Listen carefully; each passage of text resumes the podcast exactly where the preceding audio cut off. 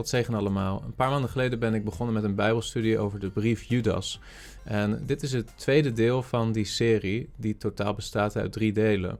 In het eerste deel, wat ik eind maart op YouTube postte, hebben we de algemene inleiding van de brief behandeld. En de titel van die boodschap was dan ook Pas op voor valse leraren. En we hebben gezien dat Judas eigenlijk waarschuwt voor een specifieke groep valse leraren mensen waarvan hij zegt dat ze binnen zijn geslopen in de gemeente, die de genade van God veranderen in losbandigheid, die het evangelie van Jezus Christus veranderen. En we zagen in die inleiding dat eigenlijk het hoofdonderwerp van de brief is een aansporing om te strijden voor het geloof dat eenmaal aan de heilige overgeleverd is. En dan gaat het niet zozeer om jouw geloof of dat je jouw persoonlijk geloof bewaart, maar het gaat voor Judas om het geloof. Het geloof dat eenmaal aan de heilige overgeleverd is, het evangelie van Jezus Christus. En deze groep mensen waar Judas tegen spreekt, is kennelijk binnengeslopen in de gemeente en heeft dat evangelie veranderd, heeft bepaalde ingrediënten uit dat evangelie weggehaald en vervangen voor losbandigheid. En we gaan nu verder met het bestuderen van deze brief en dan zullen we zien dat er een aantal kenmerken zijn van deze groep mensen, waaraan we ze kunnen herkennen. En dat is een waarschuwing natuurlijk van Judas in de eerste plaats aan de lezers van de brief. Joodse christenen lijken het vooral te zijn. Maar het is indirect ook een waarschuwing voor ons, omdat de kenmerken van valse leraren die Judas noemt, eigenlijk ook wel kenmerken zijn voor valse leraren vandaag de dag. Dus ik denk dat de Heilige Geest daar een groter plan mee heeft met deze brief dan slechts voor de tijd en de context van de gemeente waaraan Judas de brief schrijft. En uh, voordat we de versen lezen uh, waar we vandaag naar gaan kijken, namelijk vers 8 tot 16, is het goed om te zien dat Judas eigenlijk steeds over dezelfde groep valse leraren, dezelfde groep afvallige christenen schrijft. En dat begint eigenlijk al in vers 4. Daar gaat het over sommige mensen. En in vers 8 gaat het over deze dromers. In vers 10 gaat het over deze mensen. In vers 12 gaat het over deze mensen. Uh, en ook in vers 15 staat een profetie waar het gaat over goddeloze zondaars. Uh, iets wat betrekking heeft op diezelfde groep. Dus deze groep mensen is de groep waar Judas specifiek over spreekt en waar deze versen specifiek over gaan. Maar de kenmerken van deze mensen zijn ook van toepassing op veel valse leraren vandaag de dag. En daarom kunnen wij er ook iets aan hebben voor nu. We gaan lezen, vers 8 tot 16.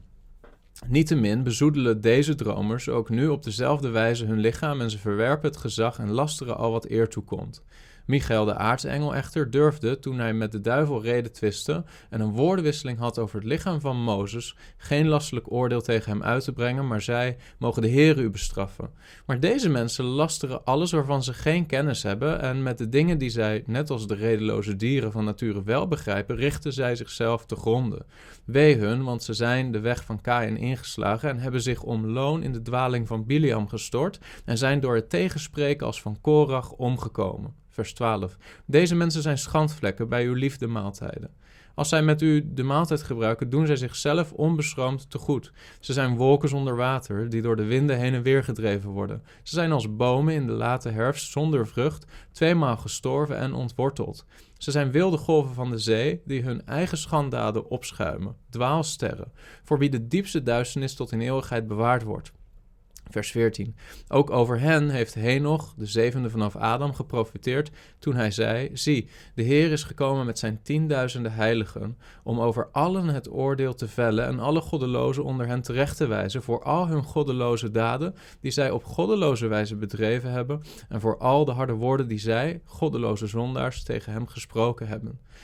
Vers 16, zij zijn het die morren, die klagen over hun lot, die naar hun eigen begeerte wandelen. Hun mond spreekt hoogdravende woorden, terwijl zij mensen naar de ogen zien ter wille van voordeel.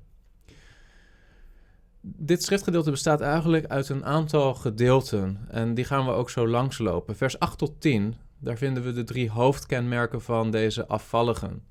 Vers 11, daar vinden we drie voorbeelden uit het Oude Testament van mensen die symbool zijn komen te staan van afvalligheid en dwaling.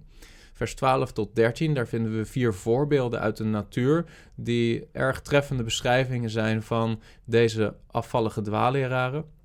Vers 14 tot 15, daar lezen we over het specifieke oordeel wat geprofiteerd is door Henoch over deze afvalligen. En in vers 16 lezen we nog een vers over het gedrag van afvalligen, wat we ook aan het oppervlak zien van hen. We beginnen bij vers 8 tot 10. En in vers 8 vinden we misschien ook wel gelijk het belangrijkste vers als het gaat om wat de drie hoofdkenmerken zijn van deze afvalligen. Daar lezen we: Niettemin bezoedelen deze dromers ook nu op dezelfde wijze hun lichaam. En ze verwerpen het gezag en lasteren al wat eer toekomt. Voordat we het hebben over waarom Judas deze groep mensen dromers noemt, is het goed om te zien wat die drie kenmerken zijn. Kenmerk 1 is zij bezoedelen hun lichaam. Kenmerk 2 is ze verwerpen het gezag. En kenmerk 3 is zij lasteren wat eer toekomt. Als we even beginnen bij kenmerk 1, daar staat zij bezoedelen hun lichaam. In het Grieks staat er hun sarka. En dan gaat het niet zozeer om het vlees of het zondige vlees of de zondige natuur, maar het gaat hier gewoon echt om hun lichaam. En wat Judas ermee bedoelt te zeggen, specifiek, is dat deze mensen leven met seksuele zonde. Ze laten seksuele onreinheid toe in hun leven. Het zijn seksueel immorele mensen. Ze, ze accepteren zonde in hun leven en leiden dan ook een zondige leefstijl. En dat lijken ze geen probleem te vinden. Um, we lezen in vers 19 dat zij het zijn die scheuringen veroorzaken, natuurlijke mensen die de geest niet hebben. Dus wat Judas zegt is eigenlijk, deze mensen zijn nooit opnieuw geboren geweest. Deze mensen zijn natuurlijke mensen, dus ze leven naar hun vleeselijke begeerten. Ze hebben ook de Heilige Geest niet, zegt Judas in vers 19. Dus ze hebben ook niet de werking van de Heilige Geest die hun overwinning geeft over zonde. Deze mensen leven als natuurlijke mensen. En daarmee bezoedelen ze hun lichaam. Ze zijn immoreel. En ze leven dan ook een leefstijl van zonde. En nou zou je denken dat deze mensen dat dan ook een probleem vinden, want immers eist de Heer Jezus van ons dat we Hem volgen in een leven van heiligheid. En daartoe geeft Hij ons ook zijn Heilige Geest. Maar het tweede kenmerk is dat zij het gezag van de Heer verwerpen. Ze verwerpen het gezag. Welk gezag verwerpen ze precies? Nou, als je het Grieks leest, het Griekse woord voor gezag is kurioteta. En als je oplettend bent, dan zul je merken dat in het woord curiotita het woord curios zit. Ze verwerpen het heer zijn van Jezus. Ze hebben hem misschien zogenaamd geaccepteerd als hun verlosser, maar ze accepteren hem niet als heer. Ze accepteren zijn gezag niet over hun leven. Dat het hier gaat over de heerschappij en het gezag van Christus, dat begrijp je uit de context. Want als je namelijk vers 4 nogmaals leest, dan staat er: Er zijn sommige mensen binnengeslopen die tot dit oordeel al lang tevoren opgeschreven zijn. Goddelozen die de genade van onze God veranderen in losbandigheid. En, let op, die de enige heerser, God en onze Heer Jezus Christus verlogenen. Dus ze verwerpen Jezus als Heer. Um, maar beleiden wel de genade van God in hun leven te ervaren. Dus ze zeggen als het ware: God houdt van mij, maar ze verwerpen het gezag van Christus. En hoe doen ze dat dan in de praktijk? Hoe kan je in de praktijk het je onttrekken aan het gezag van Christus? Nou, dat is op zich heel eenvoudig, want Christus openbaart zijn wil door zijn woord. De geboden van Christus vinden we in het Nieuwe Testament. En mensen die het woord van God niet toepassen in hun leven, dus die wel zeggen ik volg Jezus, maar die niet proberen hun leven in alle opzichten te conformeren aan de geboden van Christus, die onttrekken zich dus aan het gezag van Christus en verwerpen zijn gezag daarmee. Dus als er bepaalde onderwerpen zijn in jouw leven, het zij over seksualiteit, het zij over hoe om te gaan met geld. De Bijbel geeft ons geboden over hoe we in al die dingen zouden moeten staan. Als het concreet gaat over seksualiteit, zegt de Bijbel natuurlijk dat God seksualiteit bedoeld heeft als iets wat beleefd kan worden tussen een man en een vrouw die getrouwd zijn. En dat iedere vorm van seksualiteit daarbuiten, buiten die door God gedefinieerde context, zondig is. Maar mensen die Christus beleiden te volgen en dat desondanks in de wind slaan en een zondige seksualiteitsbeleving accepteren in hun leven, die verwerpen daarmee het gezag van de Heer. En dat is wat deze groep leraren kennelijk deed. Dus één, ze bezoedelen hun lichaam, ze, dus ze laten seksuele zonde toe in hun leven. Kenmerk twee, ze verwerpen het gezag van de Heer, dus ze nemen het woord van God niet serieus. En dan zou je zeggen, maar hoe kun je dan nog beleiden christen te zijn? Hoe kun je dat soort eh, zondige leefstijlen goed praten. Nou, dat is waar vervolgens dat woord dromers om de hoek komt. Uh, er staat in het Grieks voor dat woord enupniatsomai. En wat ermee bedoeld wordt is niet zomaar dat als je droomt dat je daarmee zondigt, want we dromen allemaal wel eens. Uh, maar wat ermee wordt bedoeld is dat deze mensen claimden een bepaalde vorm van gezag. Ze claimden dat God tot hen sprak door hun dromen. En de Bijbel waarschuwt ons hiervoor. De Bijbel waarschuwt ons voor mensen die zeggen dat God tot hun spreekt door dromen of door bovennatuurlijke verschijningen van engelen of uh, door uh, persoonlijke openbaringen, die vervolgens tegenstrijdig zijn met het woord. Dat vinden we al in Deuteronomium 13, vers 1 tot 5. Daar lezen we: Als in uw midden een profeet opstaat, of iemand die dromen heeft, en u een teken of wonder geeft, en dat teken of dat wonder waarvan hij tot u gesproken had, komt, en hij zegt: Laten we achter andere goden aangaan die u niet kent. En laten we die dienen. Luister dan niet naar de woorden van die profeet of naar hem die die dromen heeft. Want de Heere uw God stelt u dan op de proef om te weten of u de Heere uw God liefhebt met heel uw hart en met heel uw ziel. Achter de Heere uw God moet u aangaan. Hem moet u vrezen. Zijn geboden moet u in acht nemen. En zijn stem gehoorzamen. Hem moet u dienen en u aan hem vasthouden. Dus wat hier eigenlijk staat en wat de Heilige Geest zegt is het geschreven woord van God moet de basis zijn en de meest gezaghebbende boodschap in het leven van de christen. De christen toetst dingen als dromen of profetieën of boodschappen die op zijn pad komen, openbaringen, toetst hij aan de hand van het woord van God. En als het conflicteert met het woord van God, verwerpt hij het. Zelfs als er een engel verschijnt. Paulus zegt het expliciet in Gelaten hoofdstuk 1. Zelfs als een engel aan u verschijnt en een ander evangelie predikt dan wat wij u gepredikt hebben, die zij vervloekt. Anathema. Maar deze groep mensen die beschreven wordt door Judas, wordt beschreven als dromers. Zij leefden een seksueel immoreel leven.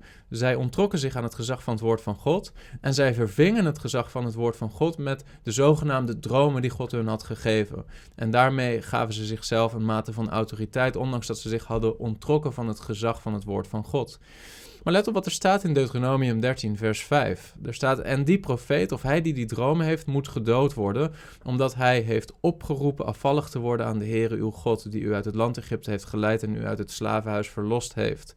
En omdat hij u wilde afbrengen van de weg die de Heere uw God u geboden heeft daarop te gaan, zo moet u het kwaad uit uw midden wegdoen.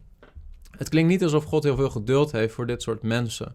En er zijn veel christenen die erg onder de indruk raken als iemand komt en zegt: Er is een engel aan mij verschenen en hij heeft mij deze en deze boodschap gegeven. Maar ik moet je eerlijk zeggen, Paulus was er niet van onder indruk. En ik denk dat jij er ook niet van onder de indruk zou moeten zijn. Het woord van God moet het ultieme gezag zijn. Dat is hetgeen wat moet toetsen of dat iemand al dan niet iets van God heeft ontvangen. En deze dromers, deze valse profeten, deze valse leraren claimden een gezag maar gingen in tegen het woord van God en vielen daarmee door de mand. Maar kenmerk 3, dat is zij lasteren wat eer toekomt. En wat er staat in het Grieks is zij lasteren doxa's. Eh, letterlijk vertaald betekent dat heerlijkheden. Zij lasterden de dingen die heerlijk waren. En dan kun je natuurlijk denken aan de heerlijkheid van God, de heerlijkheid van de Zoon van God, de heerlijkheid van het evangelie van God. Eh, dat zijn dingen waar ze lichtzinnig over spraken. Maar waar het expliciet hier over gaat, uh, en zo wordt het soms ook vertaald, is zij lasterden engelen. Nou, hoe zou je dat kunnen doen? Hoe kun je engelen lasteren? Nou, allereerst door te claimen dat een engel aan je verschenen is en iets gezegd heeft wat hij niet heeft gezegd. En dat is onder andere wat we bijvoorbeeld zien in het leven van de profeet Mohammed, die claimde dat de engel Gabriel aan hem verschenen was met een boodschap van God, maar vervolgens is de boodschap volstrekt in conflict met de boodschap van het evangelie van Jezus Christus, wat 600 jaar daarvoor is gekomen. Ben jij dan onder de indruk van het feit dat hij zegt dat er een engel aan hem is verschenen? Ik niet. Uh, want het conflicteert met het woord van God. Maar bijvoorbeeld ook Joseph Smith, de grote profeet van het Mormonisme, claimde dat een engel genaamd Moroni aan hem was verschenen en hem allerlei dingen van God had geopenbaard. Er zijn talloze mensen geweest in de geschiedenis van het christelijk geloof die beweerden dat een engel aan hen was verschenen met een boodschap die volstrekt haak staat op de Bijbelse boodschap. Eh, ben jij ervan onder de indruk? Ik hoop het niet. Judas was er niet van onder de indruk. Paulus was er niet van onder de indruk. En wij zouden er ook niet van onder de indruk moeten zijn. Weet je, God stuurt soms engelen met een boodschap. Dat zien we in de Bijbel. Maar een van de belangrijke manieren waarop je een engel kan lasteren is door te claimen dat hij jou een boodschap heeft gegeven die hij niet heeft gegeven. En zelfs als een gevallen engel je een boodschap zou geven als die conflicteert met het woord van God, dan zou je die niet moeten geloven. Maar deze mensen lijken iets anders te doen in Judas. Want er staat in vers 9 en 10 als voorbeeld van dat lasteren. Michael, de aartsengel echter, durfde toen hij met de duivel redetwiste en een woordenwisseling had over het lichaam van Mozes, geen lastelijk oordeel tegen hem uit te brengen, maar zij mogen de Heere u bestraffen. Maar deze mensen, vers 10, lasteren alles waarvan ze geen kennis hebben. En met de dingen die zij net als de redeloze dieren van nature wel begrijpen, richten zij zichzelf te gronden. Nou, die dingen die ze als redeloze dieren wel begrepen, dat zijn de begeerten en de lusten van hun vlees die deze valse leraren volgen. Hè? Dat hebben we gezien in die drie kenmerken in vers 8. Maar het is interessant dat Judas dit voorbeeld aanhaalt van Michael de aardse engel, die in conflict is, die in discussie is, die redetwist met de duivel over het lichaam van Mozes. En dan vraag je misschien mij, Chris, waar in het Oude Testament kan ik vinden over deze strijd tussen Michael, de aartsengel, en de duivel? En het punt is, dat vind je nergens in het Oude Testament. En zowel hier als later, en dat zullen we straks ook zien, uh, verwijst Judas en veronderstelt Judas dat voor zijn lezer bekend is dat er bepaalde dingen zijn gebeurd die we niet terugvinden in het Oude Testament. Later zullen we dat ook zien wanneer uh, Judas het heeft over Henoch, de zevende vanaf Adam. Maar in dit geval heeft hij het over een conflict tussen Michael, de aartsengel, en de duivel. En het punt is dat in de tijd van Judas, dus in de eerste eeuw na Christus, waren er allerlei mondelinge tradities onder de Joden. En Judas schrijft hier tot Joodse gelovigen. Uh, er waren bepaalde dingen waarvan de Joden geloofden dat het gebeurd was. Uh, en dat vinden we ook in andere schriftgedeelten in het Nieuwe Testament terug. Denk aan de Timotheusbrief, waar wordt gesproken over Jannes en Jambres, over de Egyptische tovenaars, waar je eigenlijk niet over leest in het Oude Testament. Maar dat waren mondelinge overdrachten van de Joden en dat werd bekend verondersteld. Interessant is dat over de hemelvaart van Mozes, uh, dat er een apocryf geschrift is, uh, wat, waarvan we eigenlijk alleen nog maar een zesde eeuws incompleet bewaard Latijns manuscript hebben, waar je wel kunt lezen over een geschiedenis tussen de aartsengel Michael en de Satan die reden twisten over het lichaam van Mozes. Maar het feit dat uh, Judas daarnaar verwijst, betekent niet dat dat geschrift in zijn tijd al bestond of dat dat in zijn ogen gezaghebbend was. Waarschijnlijk staat dat in dat geschrift omdat het een mondelinge overlevering was. En van die mondelinge overlevering bevestigt Judas wel dat het waar is. En dat is eigenlijk iets soortgelijks, uh, iets soortgelijks zien we eigenlijk rondom dat boek van Henoch. Waarvan Judas niet zozeer zegt dat het boek Henoch of één Henoch gezaghebbend is of op gelijke voet staat met de schrift.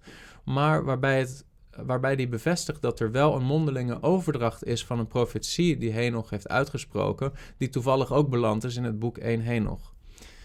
Daarmee zegt hij niet dat het hele boek 1 Henoch gezaghebbend is, want daarin vind je ook hele vreemde dingen. Maar wel dat deze mondelinge overgedragen profetie van Henoch uh, echt gebeurd is en echt uitgesproken is door hem en door God is gegeven. Even terug. Dus er is een discussie tussen Michael de aartsengel geweest en Ehm, de Satan. En we vinden wel iets in Deuteronomium 34. Daar lezen we over Mozes die de berg Nebo opgaat en het beloofde land nog ziet en vervolgens sterft. En dan staat er, nadat Mozes stierf, vers 6 van Deuteronomium 34, en hij begroef hem in een dal in het land van Moab, tegenover Bet Peor. En niemand weet waar zijn graf is tot op deze dag. En de hij in hij begroef hem, daar gaat het over de Heere God zelf. Dus de Heere God heeft het, het lichaam van Mozes begraven. En kennelijk heeft hij daartoe ook Michael gestuurd. Maar Michael komt vervolgens in conflict met de Satan. En de Satan leek het lichaam van Mozes ook te willen hebben. Waarom wilde de Satan het lichaam van Mozes hebben? Nou, dat weten we niet. Maar uh, het zou heel goed kunnen dat Satan het lichaam van Mozes wilde hebben om het volk Israël te verleiden om het lichaam van Mozes te gaan aanbidden als een soort afgod. Dat soort heiligenverering zit natuurlijk wel in het vlees en de vleeselijk religieuze neigingen van de mens. En daarmee zou het volk Israël afgoderij gaan uh, bedrijven. En eh, Michael laat dat niet toe. Maar de hele reden dat Judas dit citeert is om aan te geven dat zelfs de aartsengel Michael voor zelfs de Satan een zekere mate van ontzag heeft, een zekere mate van respect laat zien. En dat de aartsengel Michael erkent dat de Satan een functie heeft in het plan van God, dat God zijn uh, gedrag toelaat en daar nog zelfs een bepaalde bedoeling mee heeft. En dus lastert hij de Satan niet, maar zegt hij: De Heere zal u oordelen. Dat vinden we in vers 9. Mogen de Heere u bestraffen. Dus maar het punt is dat deze groep mensen die Judas beschrijft, die spraken kennelijk op een heel lichtzinnige wijze over de dingen van God en ook over engelen. Dus dat is het derde kenmerk. Er is een gebrek aan vrezen des Heren. Er is een gebrek aan ontzag voor God en dat uit zich in een lichtzinnige wijze van spreken. Dus als we nog even die drie kenmerken op een rij zetten van valse leraren in de tijd van Judas, maar ook vandaag de dag, dan is dat dat ze een immorele leefstijl leiden, dat ze het woord van God niet als gezaghebbend of ultiem gezaghebbend erkennen en ten derde dat er geen vrezen des Heren is en ze spreken op lichtzinnige wijze. Het is interessant om te zien dat het hedendaags vrijzinnig christendom eigenlijk ook wel aan die drie kenmerken voldoet. Uh, het vrijzinnig christendom in Nederland vandaag de dag is bereid om allerlei compromissen te sluiten. Uh, een recent voorbeeld is bijvoorbeeld uh, met betrekking tot wat de Bijbel leert over homoseksualiteit. Er is in feite helemaal geen twijfel over. Hè. De Bijbel geeft aan dat een praktiserend homoseksuele leefstijl zonde is in Gods ogen. Maar dat mag niet meer gezegd worden vandaag de dag van onze samenleving. En dus is er een tak van het christendom die, die zich vervolgens aanpast en het gezag van het woord van God loslaat, die een seksueel immorele leefstijl uh, goed praat uh, en ook daarin op een lichtzinnige wijze omgaat met God. Dus daarin voldoet ook het vrijzinnig christendom aan deze drie kenmerken waar Judas expliciet voor waarschuwt. Maar er zijn ook in de charismatische wereld wel voorbeelden te noemen. Een heel stuitend voorbeeld is dat van Todd Bentley. Een man die uh, sterk betrokken was bij de Lakeland Revival in 2008 in, uh, in Florida in de Verenigde Staten. En deze man uh, gaf aan dat hij een christen was, predikte veel en er ontstond een soort opwekking met allerlei wonderen en tekenen tussen aanhalingstekens. En deze man gaf aan dat er een engel aan hem was verschenen genaamd Emma. En die engel had hem allerlei dingen geopenbaard. Hij geloofde ook in allerlei dromen die God zou geven. Um, en er gebeurden daar allerlei vooronderstelde wonderen. En christenen vanuit heel de Verenigde Staten en zelfs vanuit Nederland gingen daar naartoe om iets van die zogenaamde opwekking mee te maken. Ondertussen gebeurden daar de meest rare dingen. Mensen vielen zogenaamd in de geest, waren aan het trillen, gedroegen zich als beesten. Uh, er was een enorme hoeveelheid emotionele, extatische ervaringen. En allerlei mensen dachten dat dit het werk is van de Heilige Geest. Een paar maanden later, terwijl deze opwekking nog volop gaande was, verdween in een keer deze Todd Bentley. Later bleek dat hij een, eh, een affaire had gekregen, een overspelige relatie met een veel jongere vrouw, een van zijn stafleden in zijn geestelijke bediening. Uh, en hij heeft zich daar niet van bekeerd, maar hij heeft zijn, zijn, zijn eigen vrouw is, heeft hij verlaten, inclusief zijn kinderen. En hij is doorgegaan met deze jongere vrouw. Inmiddels is hij alweer volop bezig met een bediening. Uh, maar naïeve christenen praten dit soort dingen allemaal goed. Maar het moet duidelijk zijn dat deze man in die zin viel in de categorie waarvoor Judas ons hier waarschuwt. En er zijn voorbeelden te over in de charismatische christelijke beweging van mensen die voldoen aan deze drie kenmerken en toch maar door blijven gaan met zogenaamde christelijke bedieningen. Maar het is niet alleen de charismatische beweging of het vrijzinnig christendom. Eigenlijk zien we in heel de wereld van het christendom voorbeelden van dergelijke afvallige christenen die als valse leraren in de gemeente een bedreiging vormen voor christenen.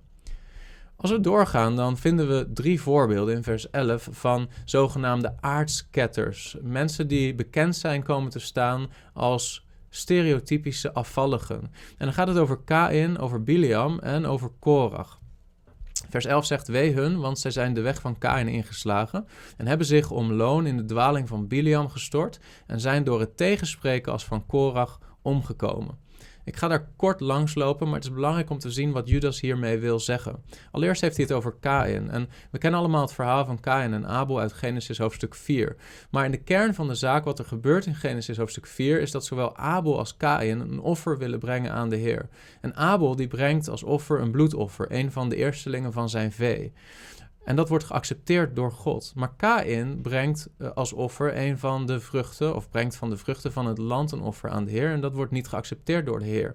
En als je nieuwtestamentische verwijzingen leest naar deze geschiedenis, dan lees je dat Kain eigenlijk had kunnen weten door de openbaring van God die gegeven was aan Kain en Abel, dat God een bloedoffer eiste. Maar Kain dacht het beter te weten. Hij sloeg eigenlijk die openbaring in de wind en hij dacht, ach, alles wat ik doe voor God, dat is wel acceptabel. Dat is geen sinds het geval. Kain ontdekt op deze manier dat God zijn offer niet accepteert, omdat zijn offer niet is conform gehoorzaamheid aan het woord van God. En vervolgens, in plaats van dat Kain zich bekeert, wordt hij boos en jaloers op zijn broer Abel. Er ontstaat een haat in zijn hart. En weet je, Kain en Abel staan eigenlijk symbool voor twee soorten christenen die je vandaag de dag nog steeds ziet. Namelijk de vrijzinnige christen die denkt, ach, ik kan het wel doen op een manier zoals het in mijn ogen goed is. Ik hoef het niet helemaal te doen volgens Gods openbaring, volgens zijn woord. Alle offers zijn acceptabel voor God. En Abel, die staat voor de christen die het gezag van Gods woord accepteert en dan ook alleen offers brengt conform het woord van God. En je ziet dan ook dat de vrijzinnige christen, wanneer die ziet dat God zijn leefstijl niet accepteert, een haat gaat voelen jegens de conservatieve christen die blijft staan op het woord van God. Daar ligt een mooi voorbeeld van afvalligheid en valse leer in Kain. Vervolgens lezen we over Biliam, de, het loon in de dwaling van Biliam. Um, Biliam was een profeet die te huur was voor geld. En zo heb je vandaag de dag veel profeten en predikanten in het christendom. Mensen die zich door geld en door gewin laten beïnvloeden in wat ze al dan niet prediken. Mensen die bereid zijn om compromissen te sluiten in hun prediking. Water bij de wijn te doen en een boodschap te prediken die, die de oren van de toehoorders behaagt, maar die eigenlijk niet in overeenstemming is met het woord van God. En deze Biliam werd eigenlijk benaderd door Balak, de koning van Moab. De koning van Moab zag het volk Israël in de woestijn en zag dat het een groot volk was en voelde zich bedreigd. En hij wilde eigenlijk de profeet Biliam inhuren om het volk Israël te vervloeken. Dat heeft hij tot driemaal toe geprobeerd, uh, waarbij hij hem geld aanbiedt. En Biliam maar wat graag ook daarin lijkt mee te willen gaan om het volk Israël te vervloeken. Maar het probleem is dat God hem alleen maar opdracht geeft om het volk Israël te zegenen. Het is wel interessant om te zien dat deze Biliam wel een soort relatie lijkt te hebben met God, waarin God hem dingen openbaart. En tegelijkertijd zijn hart zo ver verwijderd is van het hart van God. En ja, daarmee wordt ook eigenlijk zo'n groep afvallige leraren beschreven. Ze hebben in uiterlijke zin hebben ze kennelijk een soort relatie met God, maar hun hart is verre van God. Ze zijn niet ten diepste verbonden aan God en zijn bedoelingen. Uiteindelijk lukt het Biliam dan ook niet om het volk Israël te vervloeken, want zelfs Biliam heeft zo zijn grenzen. Hij gaat niet een vloek uitspreken die God hem niet heeft gegeven. Maar vervolgens uh, kunnen we afleiden ook uit nieuwtestamentische verwijzingen naar dit verhaal dat Biliam vervolgens Balak een advies heeft gegeven. Namelijk omdat de Israëlieten niet gemeenschap mogen hebben en nieuwe gezinnen mogen vormen met uh, vrouwen of mannen van andere volken, geeft Biliam het advies aan Balak om de dochters van Moab de zonen van Israël te laten verleiden tot seksuele gemeenschap. En op die manier een oordeel over Israël af te roepen van hun eigen God. Want, zo zei Biliam, als je de dochters van Moab zover. Uh, als je de dochters van Moab de zonen van Israël laat verleiden, dan zal hun eigen God hun moeten oordelen. En zo geschiedde. En 24.000 doden vielen onder de Israëlieten. Je vindt dat in Numeri hoofdstuk 25. Biliam is niet een man die in zijn hart verbonden is aan God, maar hij laat zich wel lenen om voor geld te helpen om Gods bedoelingen te dwarsbomen. En zo heb je ook christelijke predikanten vandaag de dag. Tot slot lezen we over Korach. En dan staat er over het tegenspreken als van Korach. Het tegenspreken, antilogia. Korach verzette zich tegen het gezag van God en zijn dienstknecht Mozes. En wat we zien is dat hij naar Mozes toe gaat en eigenlijk zegt: Joh, Mozes, zou je niet een toontje lager zingen? Uh, moet het volk Israël zelf ook niet iets te zeggen hebben over waar ze naartoe gaan? Waarom moeten we alleen maar luisteren naar God? Kunnen we ook niet gewoon luisteren naar wat de meerderheid wil? En vervolgens zien we dat er direct een oordeel volgt van God. Maar het probleem is dat Korach niet alleen maar zelf onder dat oordeel valt, maar hij trekt ook veel mensen daarin mee. Hij trekt Datan en Abiram mee. Vervolgens lezen we over 250 andere leiders van het volk Israël die daarin meetrekt. En vervolgens ook nog eens 14.700 Israëlieten die omkomen door de rebellie van Korach. Dus hij trekt allerlei mensen mee in zijn afvalligheid. En totaal komen daardoor zo'n 15.000 mensen om. Dat lees je in Numeri hoofdstuk 16. Dus deze drie voorbeelden, Kain, Biliam en Korach, laten zien hoe gevaarlijk en hoe misleidend afvallen is van het christelijk geloof. En vervolgens dan ook het nog erger wordt als je andere mensen daarin meetrekt door valse leer. Mogelijk zie je ook hier parallellen met het vrijzinnig christendom. Dat is niet toevallig, want er zijn veel overeenkomsten. Als we doorlezen in vers 12 en 13, dan geeft Judas eigenlijk vier voorbeelden uit de natuur die treffend beschrijven wat deze dwaalleraren doen. Er staat in vers 12: Deze mensen zijn schandvlekken bij uw liefdesmaaltijden. Er staan eigenlijk in verschillende vertalingen twee verschillende mogelijkheden om dit, deze zin uh, vanuit het Grieks te vertalen. De ene is als schandvlekken, de andere is als verborgen riffen, dus verborgen rotsen. Dus als in aan de kust heb je soms onder water bepaalde riffen waar boten op konden uh, varen, omdat ze ze niet konden zien. Ze waren immers onder water, maar vervolgens kon je wel een schip hebben wat schipbreuk leed doordat het op een rif voer. Mogelijk is dat wat Judas bedoelt. Het Griekse woord daarvoor is spilaas. Maar het staat hier vertaald als schandvlekken en het Griekse woord daarvoor is spiloos. Dus het is één letter verschil. Mogelijk is dat uh, met opzet zo. Heeft Judas eigenlijk een soort dubbelzinnig woord hier hebben, willen neerzetten. Waarbij er zowel een referentie is naar de seksuele immoraliteit van deze dwaalleraren. als het gevaar wordt benadrukt als je te dichtbij ze komt. Dat je op een gegeven moment ook schipbreuk kan leiden in je geloof dan staat er, als zij met u de maaltijd gebruiken, doen zij zichzelf onbeschroomd te goed. Deze mensen zijn op zichzelf gericht. Deze dwaalleraren zijn voortdurend mensgecentreerd bezig en vooral zelfzuchtig en op zichzelf gericht bezig. bezig. Dan lezen we over die vier voorbeelden uit de natuur. En dan lezen we over wolken zonder water, dat is één. Bomen zonder vrucht, dat is twee. Wilde golven van de zee, dat is drie. En vier dwaalsterren voor wie de diepste duisternis tot in eeuwigheid bewaard wordt. En als we eventjes beginnen bij die wolken zonder water. Wat Judas ermee wil zeggen is dat eh, bijvoorbeeld zoals een boer eigenlijk een wolk kan zien aankomen en zich kan verheugen op de regen die komt en neerdaalt op zijn land, zodat al dat leven weer gaat opbloeien. Uh, deze mensen zijn wolken zonder water. Ze wekken een bepaalde verwachting, maar vervolgens stellen ze teleur. Ze hebben een schijn van godsvrucht, maar de kracht daarvan is niet werkzaam in hun leven. Ze hebben een uiterlijk wat niet past bij het innerlijk. Ze zijn hypocriet, maar ze zijn ook in die zin opgeblazen. Het tweede punt is bomen zonder vrucht. En dan staat er ook dat ze tweemaal gestorven zijn. En wat Judas daarmee bedoelt is, ze hebben geen wortel en ze hebben geen vrucht. Dus geen wortel. Uh, onder het oppervlak is er geen echte relatie met God. Zij zijn niet opnieuw geboren. Uh, ze zijn niet verbonden in hun hart aan Christus. En als gevolg daarvan is er ook geen vrucht. Ze zijn zowel dood aan het oppervlak als dood aan het innerlijk het evangelie is niet werkzaam in hun leven. Zie je, normaal is het zo dat als je opnieuw geboren bent en je wordt verbonden met Christus, dan gaat je leven vervolgens ook de vrucht van de geest laten zien. Dus dan gaat er vrucht zichtbaar worden. Bepaalde karaktereigenschappen die daarbij passen, bepaalde goede werken die passen bij het zijn van een volgeling van Christus. Deze mensen hebben nog wortel, nog vrucht. Ze zijn tweemaal gestorven. Ze zijn wilde golven van de zee. Hier verwijst Judas naar Jesaja 57, vers 20 waar staat geschreven: Maar de goddelozen zijn als een opgezweepte zee, want die kan niet tot rust komen en zijn water woelt modder en slijk op. Zie je, als je deze mensen volgt in hun leven, dan zie je dat er steeds meer modder opwoelt. Dat er steeds meer slijk opwoelt. Dat er steeds meer zonde zichtbaar wordt. Ze zijn onberekenbaar als de golven van de zee en ze zijn zondig.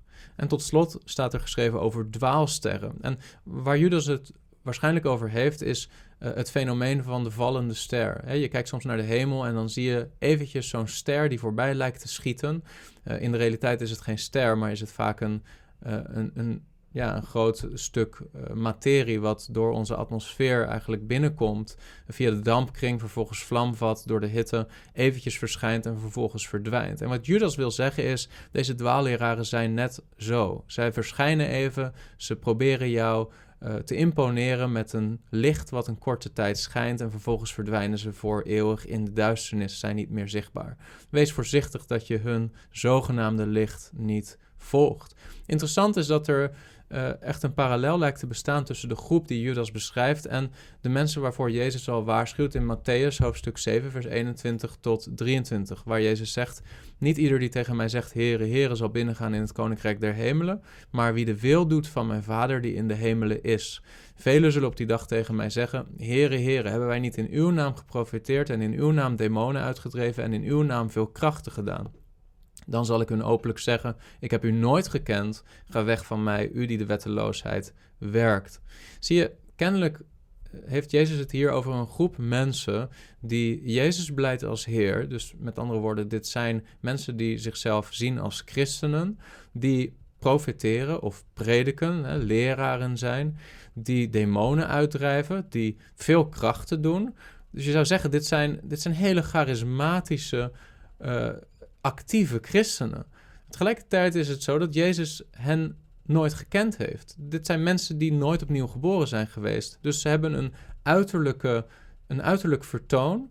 En ze beleiden christenen te zijn, maar van binnen hebben ze nooit een relatie met Christus gehad, zijn nooit opnieuw geboren. En, zegt Jezus, werken wetteloosheid. Dus daar zie je opnieuw, er is geen wortel en er is geen vrucht. Er is geen verbintenis met Christus. Ze kennen hem niet. Christus kent hun niet. Er is geen intieme relatie. En vervolgens is er ook wetteloosheid en vruchteloosheid in hun leven.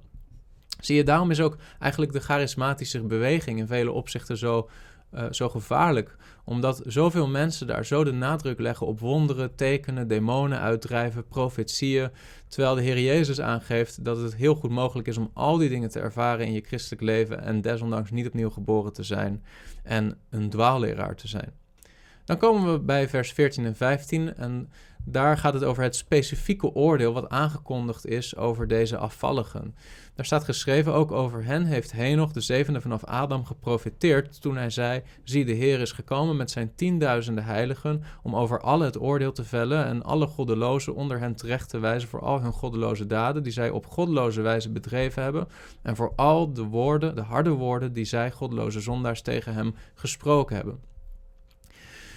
Eh, wat goed is om te weten is dat als de Heilige Geest door Judas hier zegt dat Henoch heeft geprofiteerd, en Henoch is dan de zevende in generaties vanaf Adam, een man waarvan de Bijbel alleen zegt dat hij wandelde met God en hij was niet meer. En heel veel meer weten we eigenlijk niet zo goed over Henoch.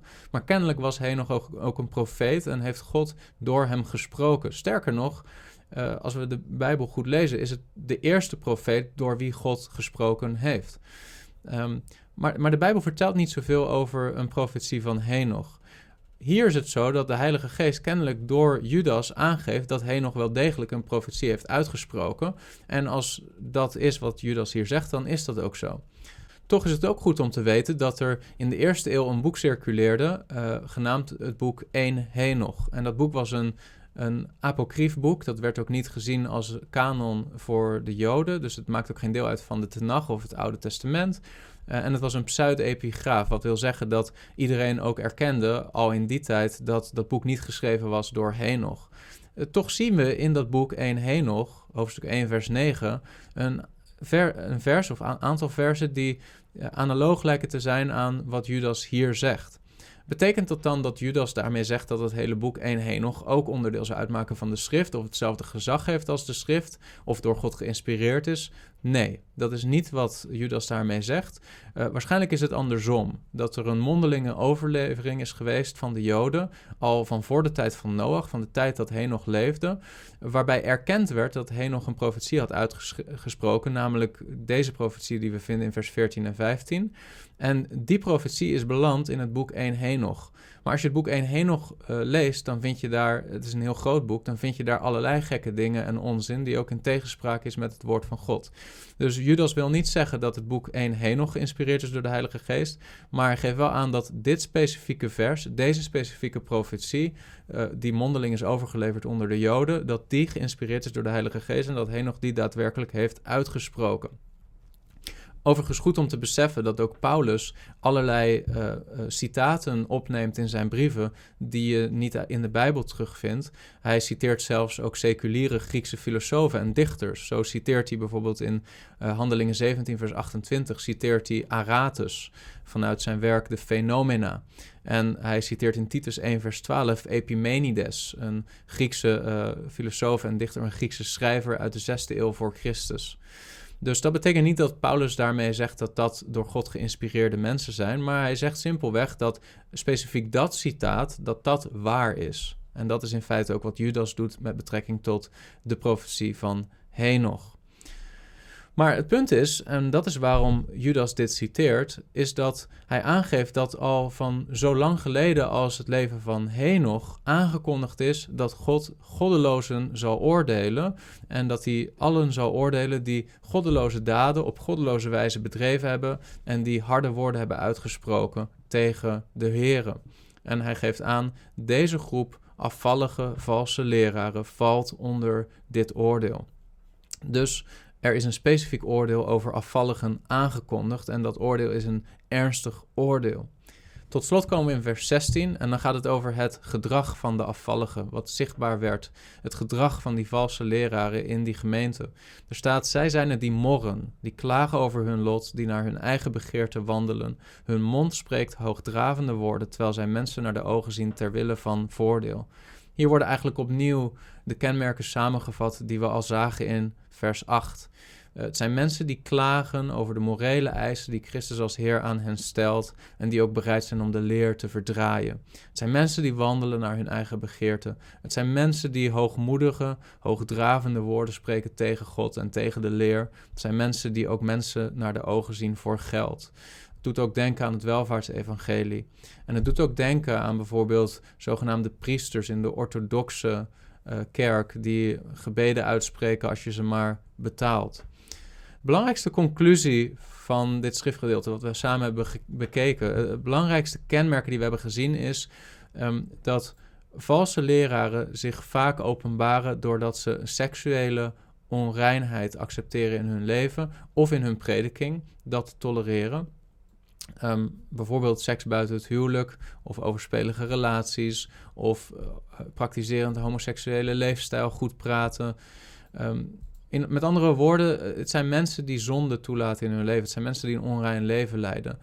Ten tweede is het zo dat deze mensen vervolgens zich ook niet laten corrigeren door het woord van God, maar ze onttrekken zich aan het gezag van het woord van God en claimen dan ook gezag te hebben op basis van dingen als dromen of hun eigen verbeelding, hun eigen fantasieën, hun eigen inzichten. En tot slot zijn het mensen die lichtzinnig spreken over de dingen van God. Er is geen vrezen des Heren in hun hart.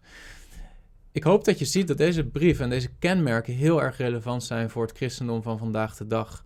Er is een hele tak binnen het christendom die voldoet aan de kenmerken die we hier vinden. En ik wil je bemoedigen, broeder of zuster, wees voorzichtig. We zullen in het laatste deel ook zien hoe je kunt omgaan met alle dingen die je nu hebt geleerd. Hoe moet je nou praktisch reageren op datgene wat je ziet? Misschien ook in je eigen gemeente of in het christendom in Nederland of wereldwijd. Volgende keer zullen we daarop terugkomen. God zegen.